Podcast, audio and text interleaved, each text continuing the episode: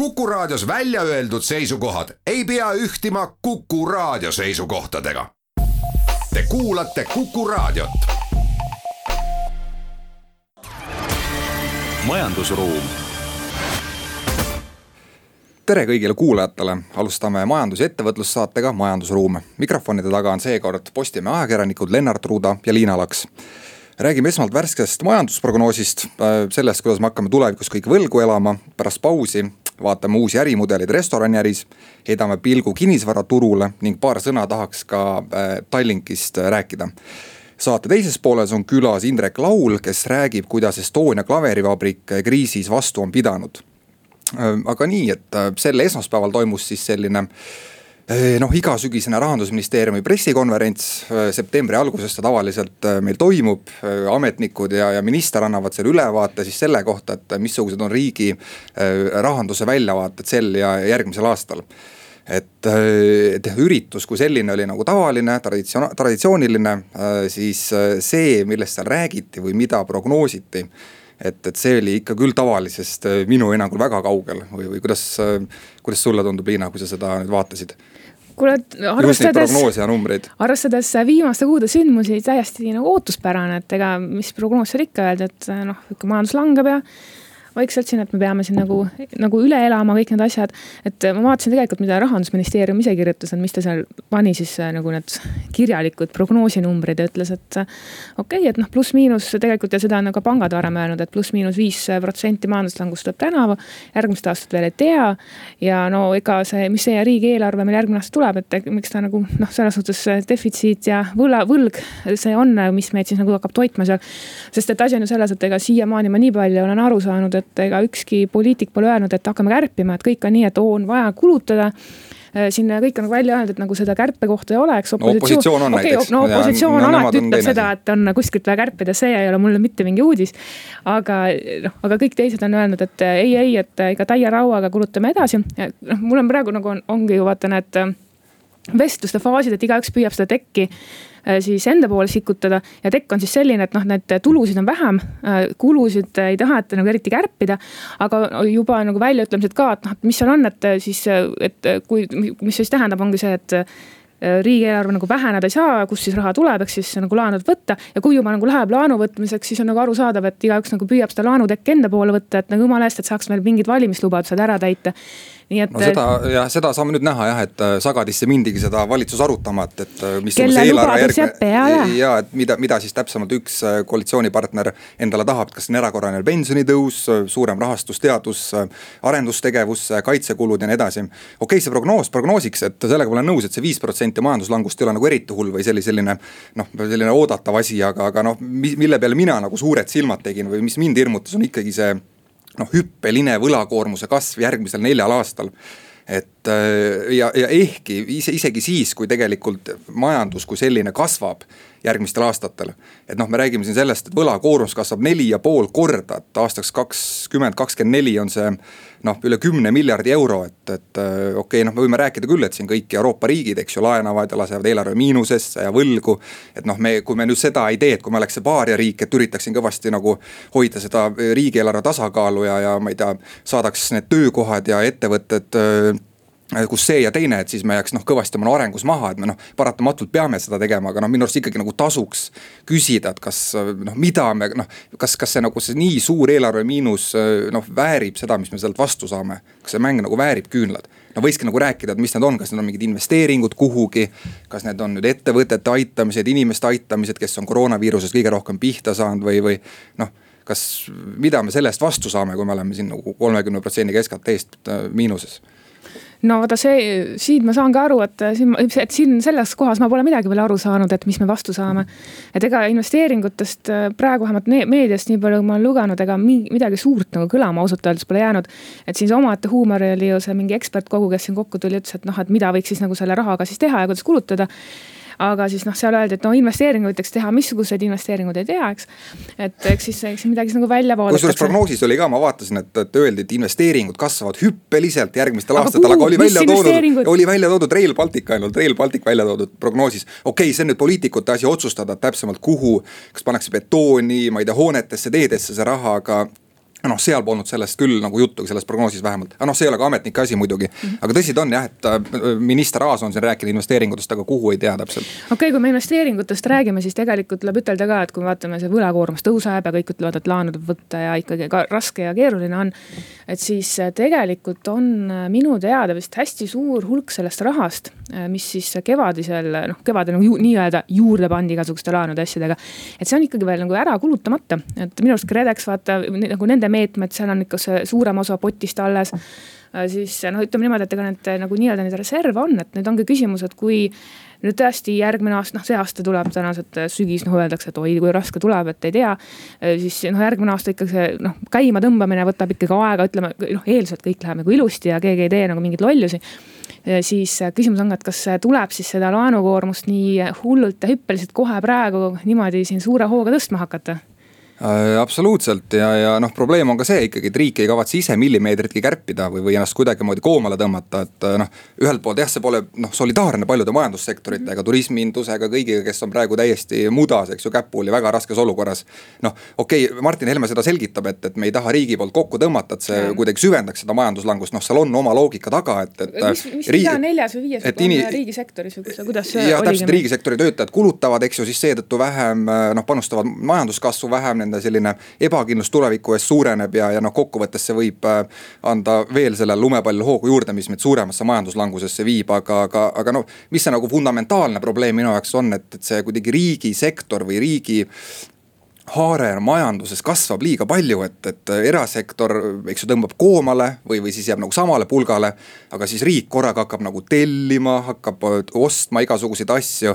et eh, ehitama, hankeid tegema, et saab sellise nagu monopoli, et kuidagi jäme ots on ikkagi nagu liialt, liialt riigi käes, et, et rikkust võiks luua nagu ettevõtted ja inimesed, mitte niivõrd nagu riik oma sihukese laiutava nagu majanduspoliitikaga see oleneb, vaata, kuidas see on, et kui ütleme niimoodi, et kui sul tegelikult eraettevõtluses on niimoodi, et keegi ei telli, sest et kõik istuvad käte peal, ootavad, et see kriis niimoodi läbi saaks.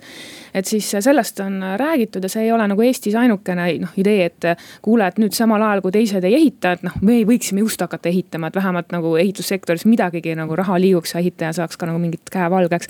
et kui seda enam, et kui mingid investeeringurahad on, aga, aga see on nagu tõsi, et vaata noh, ma mõtlen nagu tavainimese seisukohast, mitte nüüd siin ettevõtted või nii. et kui sa ütled, et noh, praktiliselt iga neljas-viies on tööl riigisektoris ja kui sa vaatad tegelikult seda riigisektorit, mis on nagu selline, et noh, seal on vaata allasutusi on nihuke hulgi. et me ei räägi nüüd sellest, et sul mingi tavaametniku palk, kuidas on, eks ole, aga siin on ka vaata kõik need igasuguste juhtide ja pooljuhtide palgad on siit läbi käinud erinevates formaatides ja siis ka seda, kui sa vaatad, et teised peavad nagu tavainimesed peavad või võtma sisse mingi kolmkümmend ja viis, viisteist protsenti palgakärbet. ja kui üldse tööd saavad, eks ole, tööpuudus on nagu meil on, eks ja siis äh, nagu selles äh, võtmes siis ütelda, et aa, meie oma siin juhtide ja pooljuhtide palku siin ei kärbi. Nagu absoluutselt nagu, no, ei vaata jah, isegi kohe see nagu välistatakse nii eos, mis on noh, selline kohatu minu arvates isegi. et kas sul on, ja siis ongi see küsimus, et kui me räägime vaata tegelikult aastaid mingist äh, imelikust riigireformist.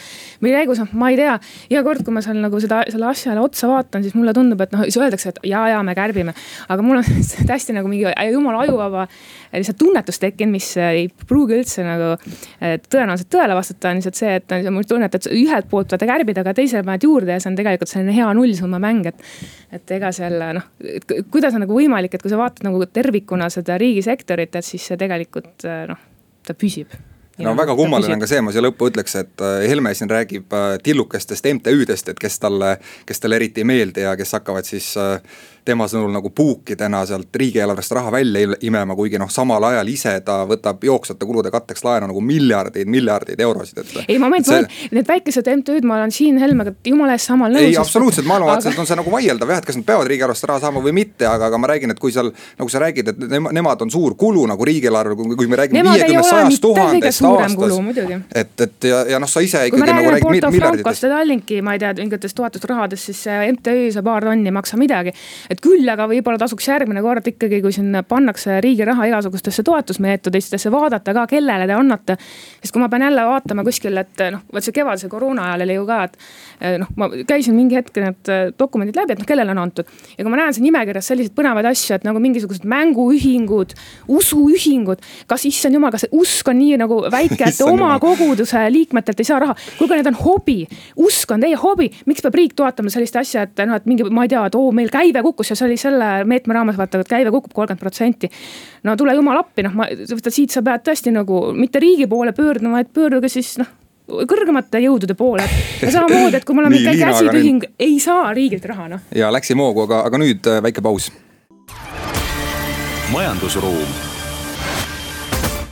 tere tulemast tagasi, stuudios endiselt Lennart Ruuda ja Liina Laks. Äh, räägime nüüd veidi äh, rahulikumal teemal, et restoranidest ja, ja uutest ärimudelitest, mis sinna nagu võib-olla hiilivad ja ka turismindusest laiemalt, et. alles siin eelmisel nädalal siis ma ise kirjutasin sellest, et Tallinna vanalinna restoranid saatsid linnapeale Mihhail Kõlvartile kirja, kus ütlesid, et, et noh, klient ehk siis selline rikas välismaa turist on hoopis täitsa ära kadunud ja äri on, äri kiratseb et okei okay,, ma kusjuures vahele veel teen sellise märkuse, et vanalinna restoranides paljudes kohtades on praegu viiskümmend protsenti aled tegelikult, et tasub täitsa nagu uudistama minna, kallid tuntud restoranid, kus saab väga odavalt äh, kõhu täis. aga, aga ühesõnaga, et mida nad soovivad siis meie linna pealt saada, on täielik üürivabastus, et nad äh, järgmise aasta suveni ei peaks üldse linnale sentigi üüri maksma et noh, selle sektori selline keerukus on iseenesest teada meile aga, aga kas sa, äh, Liina, lugesid seda Kaspar Oja äh, ettepanekut, see oli, ka huvitav, Eesti Panga analüütik Kaspar Oja nagu tegi ühe sellise äh, tõi välja sellise skeemi või ettepaneku, kuidas, kuidas võiks turismitööstuse olukorda leevendada.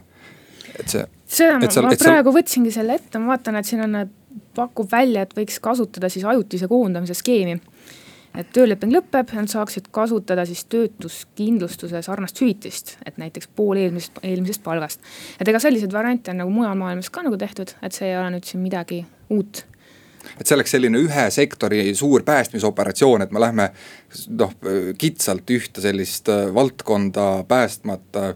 noh, maksamegi seal koondatud töötajatele mingi aja lihtsalt raha ja siis pakume neile samal ajal, ma ei tea, mingeid koolitusi, programme, et saaksid ennast täiendada kuidagi ja siis see noh, idee on selles, et kui turistid taas tagasi tulevad, äh, majandus lahti läheb, et siis nad saaksid tööle tagasi minna ja võib-olla on vahepeal toimunud mingisugune, ma ei tea, see idee mul natuke segaseks, aga oleks pidanud toimunud mingisugune arenguhüpe, et, et äh, ettevõtted jõuavad justkui nagu öö, äh, uue efektiivsuseni või, või uue, uue nagu innovatsioonini, uue tasemeni, et, et see lis, lisandväärtus seal nagu suureneks. et äh, see on ka see alati see idee, et, et peaks kuidagi siis, ma ei tea, paremini minema, parem, paremaks minema tulevikus see olukord, et või vähemalt nad võiksid äh, suurema lisandväärtusega teenust nii-öelda äh, inimestele pakkuda, turismitööstus. aga see on nagu hästi huvitav, et vaata, kui praegu sa ütled ka, et siin noh, riigilt on või linnalt on küsitud, et andke nagu alati meile siis selle äh, üüri osas, et ega tegelikult ma nagu nii palju olen kuulnud, et ega noh, tegelikult küsitakse ju alati, noh kõik restoranipidajad on vist ka küsinud. seda on küsitud juba jah, aga nüüd on, on, nüüd on nagu täielik nii-öelda null üür, mida soovitakse. no mis on väga mõnus, eks ju no ega linna, aga samas sul on nagu linna ka, sul on ju nagu valida ka vaata linnana, et okei okay,, et. et mis ma teen, et kas ma annan sulle nagu mingi väga sümboolse summaga äkki selle üürile. või siis ütlen, et okei okay,, mul on linn nagu tühi, et äh, siis äh, noh, sul on nagu vaata, võib-olla linnana ka natuke teised mõtted, kui sa oleksid nagu tavaline ärikas, et äh, kus on nagu asi selgem, vaata mm. -hmm aga noh, siit võiks ka liikuda natukene selliste uute ärisuundadeni või, või vähemalt ärivõimalusteni, mida, mida see sektor kriisi ajal äh, on nagu suutnud tekitada, et noh, ühed on sellised toidukulleri ärid, et noh, me teame neid äh, helesinises või helerohelistes kilevestides äh, jalgrattureid, kes suur kast seljas sõidavad mööda linna ringi, toimetavad restoranidest võetud toitu inimestele nagu korteritesse, kodudesse, et, et no see annab restoranidele käivet olukorras, kus kliente füüsiliselt kohale ei tule. ja siis ma ise nüüd kirjutasin sellisest uuest trendist nagu nagu ghost kitchen, mida võiks nimetada noh, kummitusköögi ma tean, see keeletoimetaja seda väljendit üldse ei sallinud ja, ja võttis, rookis selle välja ja nimetas need e-restoranideks, aga need on siis sellised restoranid, kuhu koha peale minna ei saagi. kus ei ole nagu teenindajaid, laudu, nuge, kahvleid, mitte midagi, et kogu äri tuginebki toidukulleritele, et toidukullerid võtavad sealt toidu peale. ja viivad siis inimestele laiali, et see ongi nagu selline köök põhimõtteliselt, aga noh, see pakub sellist võimalust, sa võid seal mitme erineva brändi alt mitut erinevat äh, kööki, ma ei tea, alates seal burgeritest lõpetades mingi India toiduni nagu pakkuda. peaks tulema mingi meeletu efektiivsuse nagu võit sealt justkui no kui sul on ainult väike köök ja sa ei pea siin kuskil vahepeal laudu käima koristamas, et aga jah, selliseid nagu variante on tegelikult ju enne kriisi nagu suurtes linnades ma olen varem ka näinud, et sul on, ongi lihtsalt selline väikene köök kuskil püsti ja ongi kirjas, et näed, et kui asja tahad, et siis telli siin kulleriga ja ja noh, ega praegu siin koroona ajal on täiesti nagu loogiline samm see, et kes viitsib sinna kuskile massi sisse sööma minna, et keegi köhib peale ja ongi see õhtu rikutud, et et äh, see. mure on suur kohe jah, aga vahetame natukene teemat, räägime kinnisvarasektorist ka, et inimesi alati ju väga huvitab, et kas nüüd, kuna on õige aeg korterit osta või müüa, et, et küsitakse. no ilmselt sinu käest ka majandusajakirjanikuna, et kas korterite hinnad hakkavad nüüd nagu sügisel või vastu talve kõvasti langema või mitte, et sa tegid äh, huvitava intervjuu äh, eelmisel nädalal Endoveri juhi Robert Laudiga, lauaga, et mida, mida siis tema ütles vaata kinnisvara hindadega on üldse selline naljakas asi, et oleneb, kellelt küsid. et äh, noh, kuna Robert Laud Endover, eks ole, on arendaja, et ega siis nemad ütlesid, et noh, hinnad on püsinud, et ei nad kuskil, ei ole kuskile nagu liikuda sellel hinnal, sest et ega see marginaal ei ole nii kõva ja üldse nagu ei teeni eriti seal midagi. et see on noh teada, samas on niimoodi, et kui sa vaatad nagu seda no aga samas ütleme niimoodi, et see uus maja, mis nad on seal tondil püsti pannud, et siis äh, Robert Laud ise tunnistas ka, et. Nad on kaks aastat müünud aga, aga kolmkümmend protsenti korteritest on vist ikka müümata, nii et noh, kuidas sa nagu võtad, vaata seda andmestikku. ja tõlgendad, aga samas on sul tegelikult äh, ikkagi noh, see kõik ülejäänud kinnisvaraeksperdid ja maaklerid on öelnud, et kui nad vaat-, noh oma neid hindu seal võrdlevad, ütlevad, et tegelikult saab küll korralik alati, et kümme protsenti ei ole nagu mitte midagi. aga sõltub lihtsalt sellest, et kus sa nagu küsid, et kas sa tahad uusarendust, kus sa tahad mingisugust äh, juba mingit vanemat maja ja noh, muidugi asukoht, eks ole, kus on.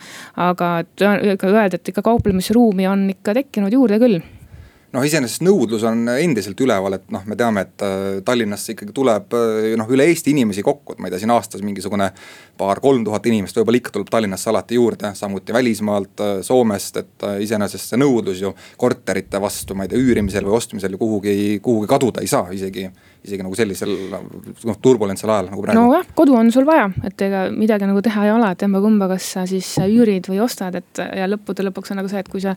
ja see on nagu see iroonia, et kui nagu vähegi kuidagi midagi saad, siis osta nagu võib juhtuda, et isegi on odavam. arvestades neid üürihindu, kuigi need on ka kesklinnas vähemalt niimoodi natukene soodsamaks muutunud, et vahepeal oli ikka päris perversne siin aga sa väga toredasti seal küsisid Robert Laudi käest, et, et või ütlesid, et sinu sõbrad on õpetanud, et Endoveri arendusi ei tasuks eriti vaadata, kuna seal pidavat palju ehituspraaki olema.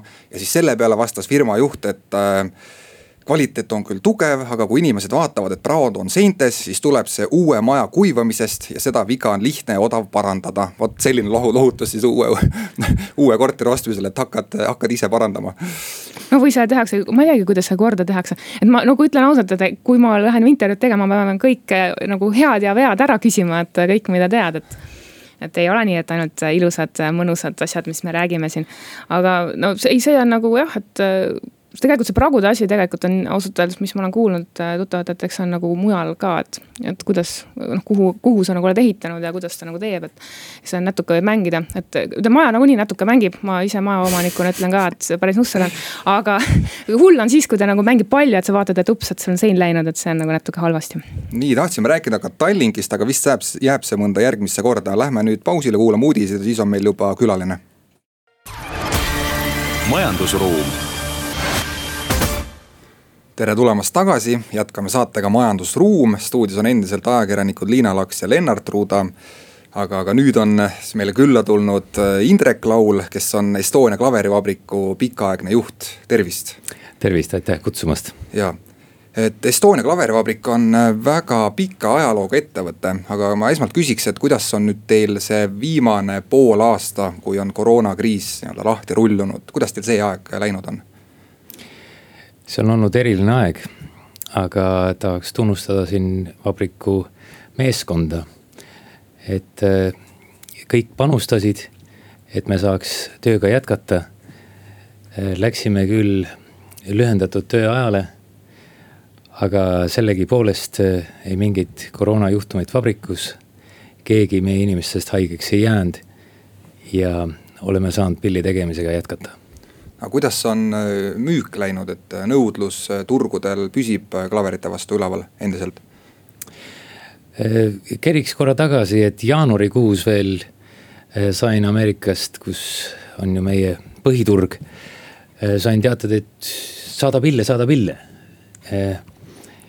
ja siis tuli, eks ole, märtsikuu, mis Ühendriikides tõi enneolematu olukorra näiteks mu San Francisco diiler ütles, et, et äh, täitsa politsei jälgis, et klaveripoe uksed on nii kinni, et äh, ei saa nädalavahetusel ka kellelegi äh, uksi avada ja, ja, ja pille näidata see tähendab seda, et kujutage nüüd ette, te olete sündinud, eks ole, vabas maailmas, Ameerika Ühendriikides üles kasvanud ja järsku teile öeldakse. et pood ei tohi lahti olla ja politsei helistas ja keelas äh, poe lahti tegemist. sest läbi Facebooki oli keegi ütelnud, et kuule, ma tuleksin Blilli vaatama mm.. et tuleb välja ka võib-olla ka sellist meediakanalit jälgiti äh,. aga kui nüüd märtsikuu oli sedavõrd eriline ja hull, siis püüdsime siin natukene niimoodi öelda purjeid koomale tõmmata ja see torm üle elada. juulikuus helistab mul Washingtoni diiler. et kuule, me püüame nüüd pille siin üks või kaks päevas. Äh, inimesed äh, vist vaatavad umbes kuni neli tundi televiisorit, rohkem ei suuda. ja, ja näevad, et äh, klaverit oleks väga tore kodus mängida ehk siis on olnud sellised Ameerika mäed nii-öelda, et märtsis kukk läks müük kinni, aga siis korraga ja täitsa kinni, täitsa suleti, see ei ole müügilangus. see on, see on enneolematu nähtus kui selline. Ja peale seda siis juulikuus nagu tehti seda märtsikuud tagasi äh, räägimegi veidi Ameerika turust, et see on nüüd teie selline Äh, noh, sellest hakkasite rääkima, et, et see on endiselt teie kõige olulisem eksporditurg. õigus on veel midagi sinna kõrvale nüüd tekkinud, et äh, mäletan kaks pool aastat tagasi kolleeg tegi teiega loo, et tõi seal minu arust välja, et te olete Euroopa suurim nii-öelda klaverite eksportöör üldse USA-sse, et on see endiselt niimoodi? eks sellist positsiooni me oleme püüdnud hoida, aga ma oletan, et praegune koroonakriis on kaardid nii sassi löönud et milline sta statistika täpselt on, ega seda ei teagi. Samas jah, Ühendriikide turud said juba aastakümneid võetud fookusesse. see on äh, meie jaoks peamine turg ja väga soovitan noh, ühelt poolt äh, on ju sinna läinud tuhandeid äh, Estonia klavereid ja, ja teiselt poolt ma olen ka ju tegev Ameerika Kaubandus-Tööstuskoda Eestis presidendina nüüd juba viiendat aastat.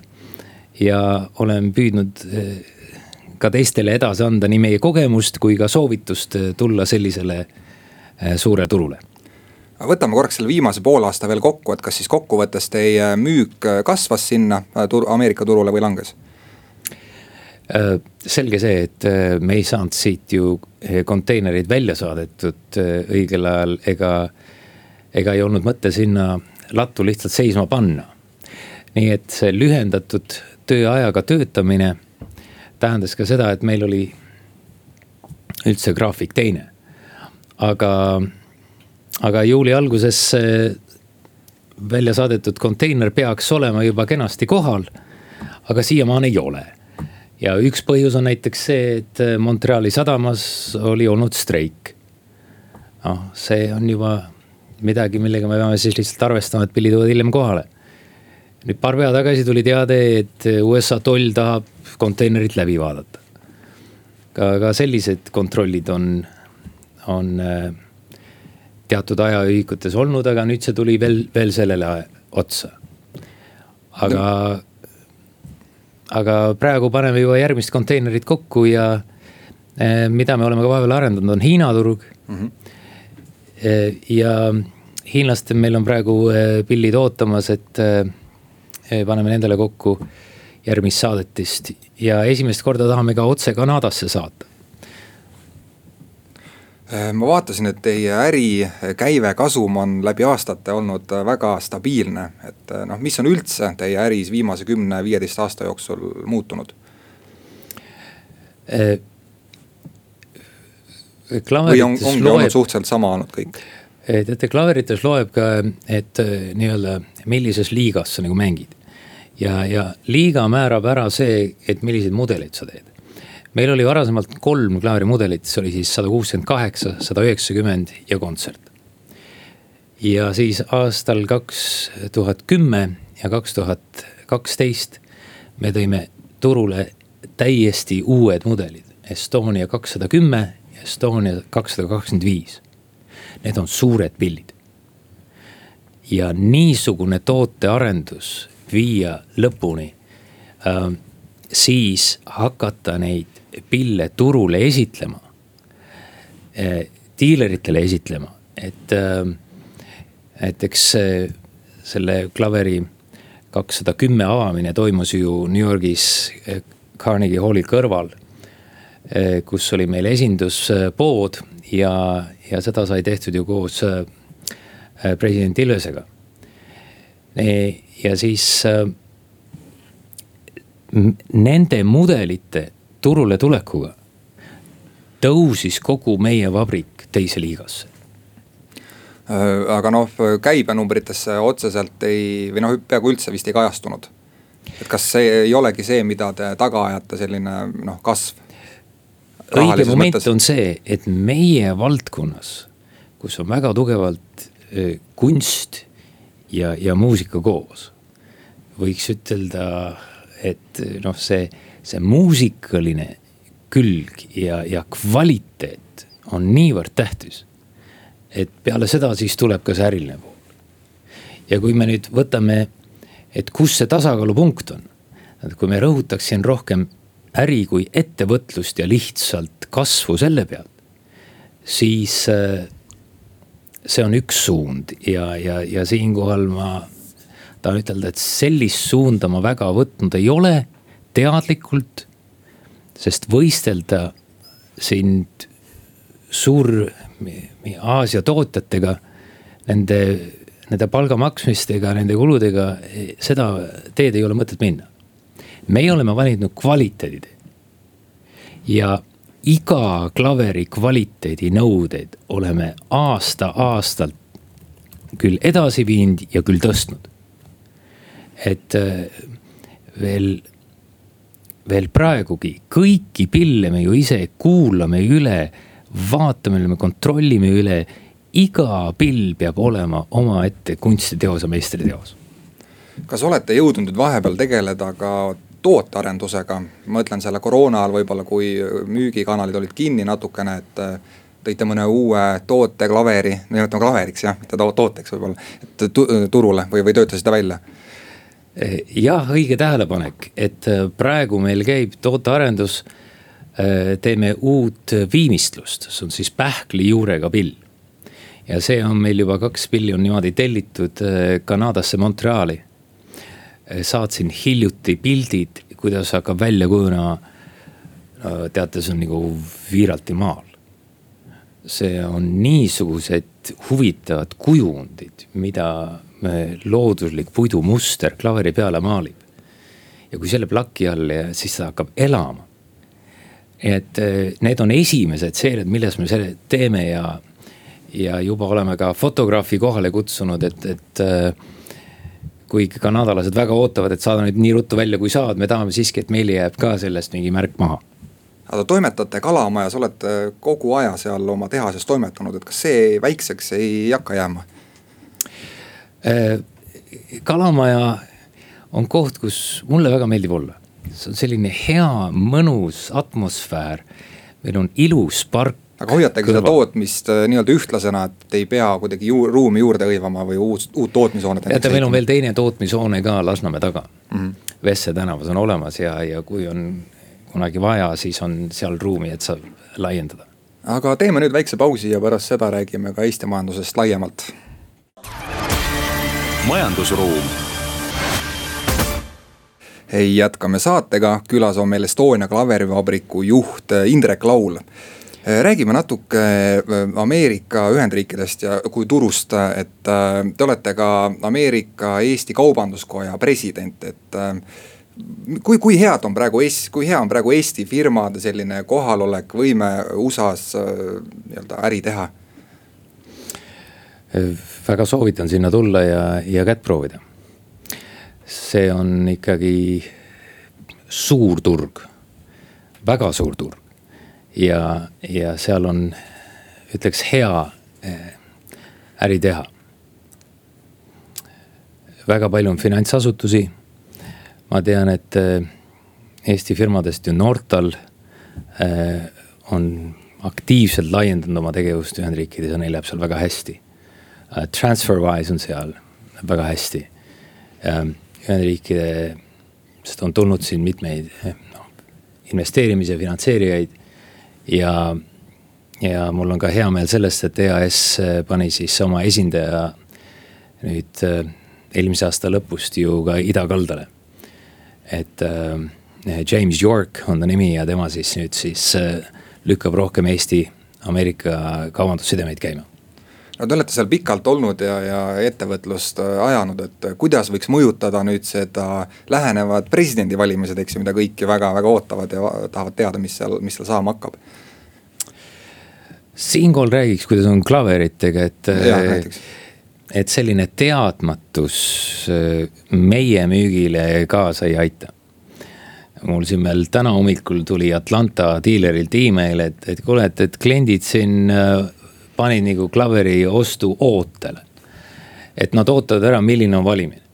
ja siis peale seda läheb jälle edasi.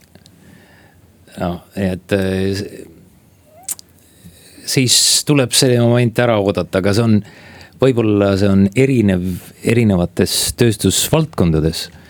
aga meie puhul siis, kus on siiski tegemist suure eh, asjaga ja luksusesemega. teinekord inimesed lükkavad selliseid oste eh, edasi, kui on tulemas nii suur muutus aga kas saab ka mingit seost tõmmata nüüd, et äh, Donald Trump on meil siin neli aastat president olnud, et siis on kuidagi ma ei tea, äri tegemine või klaverite müük seal nagu muutunud või teistmoodi olnud? nii konkreetseid muudatusi ma välja ei tooks peaasi on siiski üldnäitajad, et majandus kasvab, et tööhõive on kõrge.